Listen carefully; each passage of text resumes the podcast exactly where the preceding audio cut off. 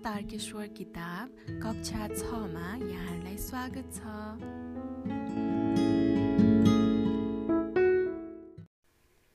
एकाइ चार पर्यटकीय स्थल तारकेश्वर धाम। पाना नम्बर बयालिस। पाठ एक परिचय। काठमाडौँ उपत्यकाको उत्तर दिशामा पश्चिमदेखि पूर्वतिर फैलिएको सुन्दर प्राकृतिक छटा छटाले भरिएको एउटा पर्वत छ। जसलाई शिवपुरी पर्वत भनिन्छ। यो विभिन्न प्रजातिका चराचुरुङ्गी पुतली वनस्पति जीव जन्तुको वासस्थानका रूपमा रहेको छ। काठमाडौँ उपत्यकाको खानेपानीको मुख्य स्रोतका रूपमा शिवपुरी पर्वत रहेको छ। यसको उचाइ एक हजार तिन सय पचास मिटरदेखि दुई हजार सात सय बत्तीस मिटरसम्म रहेको छ। यसको पश्चिममा नागार्जुन पर्वत खण्ड रहेको छ। यी भूभागलाई समावेश गरी विक्रम सम्बत दुई हजार पैँसाठीमा शिवपुरी नागार्जुन राष्ट्रिय निकुञ्ज बनेको हो। यस निकुञ्जभित्रको सबैभन्दा अग्लो ठाउँ शिवपुरीको शिखर हो भने अर्को शिखर नागार्जुन हो। यस निकुञ्जमा बाइसभन्दा बढी प्रजातिका स्तनधारी तिन सय एघार प्रजातिका चराचुरुङ्गी एक सय दुई प्रजातिका पुतलीहरू पाइन्छन्।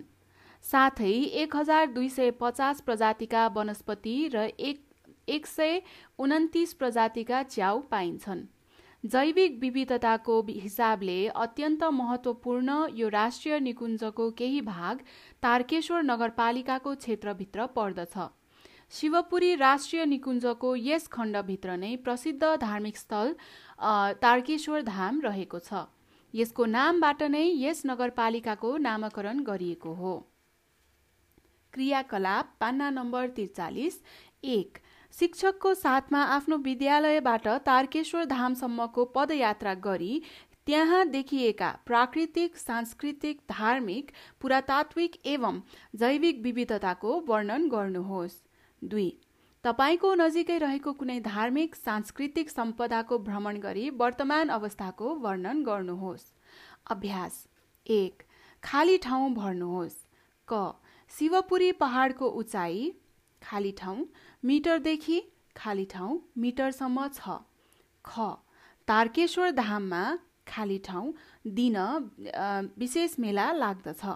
ग शिवपुरी पहाडको शिरोभागमा रहेको महत्त्वपूर्ण तीर्थस्थल खाली ठाउँ हो।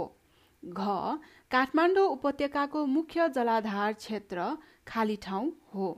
ङ शिवपुरी नागार्जुन राष्ट्रिय निकुञ्जमा खाली ठाउँ प्रजातिका चराचुरुङ्गी पाइन्छन्।